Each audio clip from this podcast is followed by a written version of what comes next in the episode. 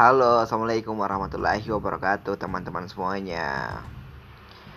Balik lagi dengan saya Firda Supers di podcast pertama kali saya, seorang konten kreator yang berasal dari Kabupaten Goa yang memiliki coach dengan